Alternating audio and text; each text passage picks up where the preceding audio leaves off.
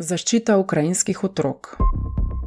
Zaradi ruskega napada na Ukrajino je moralo več milijonov ljudi, večinoma žensk in otrok, zbežati iz države. Zatočišče iščejo v sosednjih državah, kjer jim podporo nudi mednarodna skupnost. Humanitarne razmere se kljub temu slabšajo, Evropska unija pa si prizadeva vse te ljudi zaščititi, zlasti tiste najranljivejše. Več o tem boste izvedeli v tem podkastu.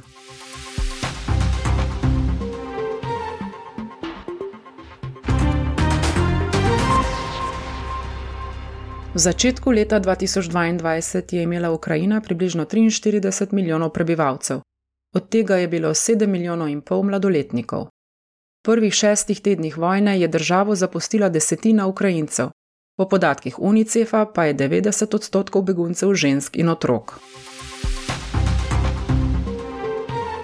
Od izbruha vojne 24. februarja so ukrajinski otroci izpostavljeni resni nevarnosti fizične in čustvene škode. Mnogi so obtičali v vojnih območjih.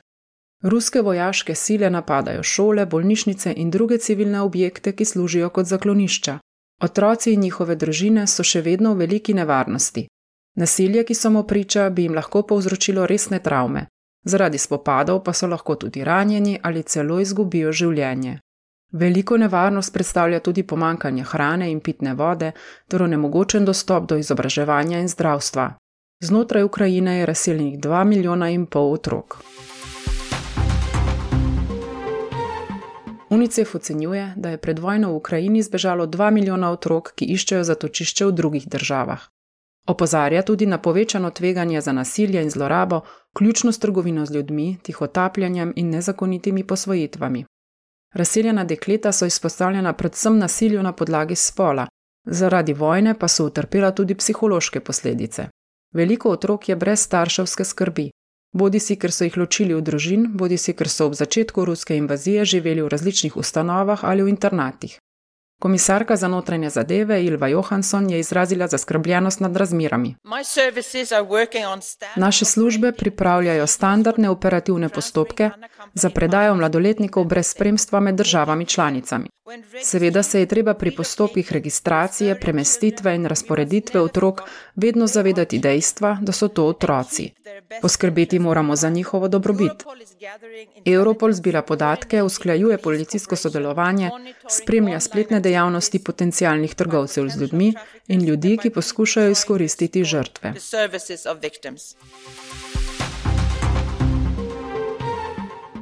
Evropska unija se je zavezala, da bo pomagala civilistom, ki čutijo posledice vojne.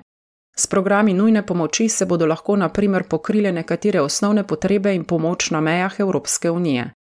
Evropska komisija je izdala operativne smernice, v katerih je poudarjeno, da je zaščita otrok migrantov, ki prihajajo iz Ukrajine, glavna prednostna naloga unije in da je treba upoštevati posebne potrebe in pravice otrok.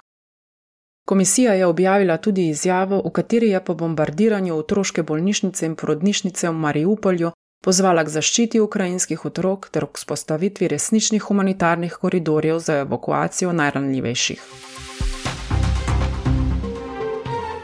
V začetku marca je svet soglasno sprejel sklep komisije, da se prvič aktivira direktiva o začasni zaščiti, ki je bila sprejeta leta 2001. Ta evropski zakon omogoča, da se ukrajinskim beguncem izda dovoljenje za začasno prebivanje v Evropski uniji za najmanj eno leto, z možnostjo podaljšanja za dodatni dve leti. Evropska unija in njene sosede si prizadevajo, da bi otrokom, ki bežijo pred vojno, zagotovile dostop do izobraževanja in sicer s poenostavitvijo ustreznih postopkov, odpravo stroškov varstva otrok in zagotavljanjem njihovega nemotenega vključevanja. Podpredsednica Evropske komisije in komisarka za demokracijo in demografijo Dubrovka Šujica je povedala: Glavna prednostna naloga vseh nas je, da se čim prej odzovemo na njihove potrebe. Komisija je predstavila konkretne ukrepe, kako lahko Evropska unija in države članice tem otrokom ponudijo zaščito in jim omogočijo, da hitro uveljavijo svoje pravice in se obrnijo na ustrezne službe, ne da bi bili diskriminirani. Za zaščito ukrajinskih otrok bomo uporabili še en instrument Evropske unije. Gre za evropsko jamstvo za otroke, orodje, ki bo zagotavljalo dostop do zdravstvenega varstva in izobraževanja in tako preprečevalo revščino in socialno izključenost. Evropski parlament se je na aprilskem plenarnem zasedanju osredotočil na ukrajinske otroke.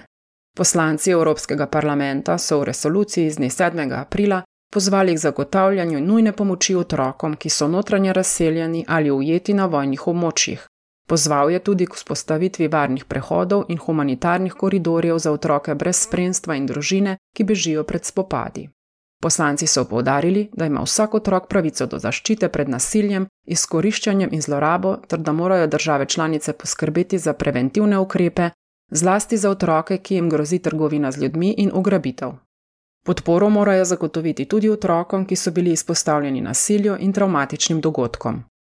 Priča smo eni od najhitrejših množičnih razselitev otrok po drugi svetovni vojni, ki bo pustila posledice tudi na prihodnjih generacijah.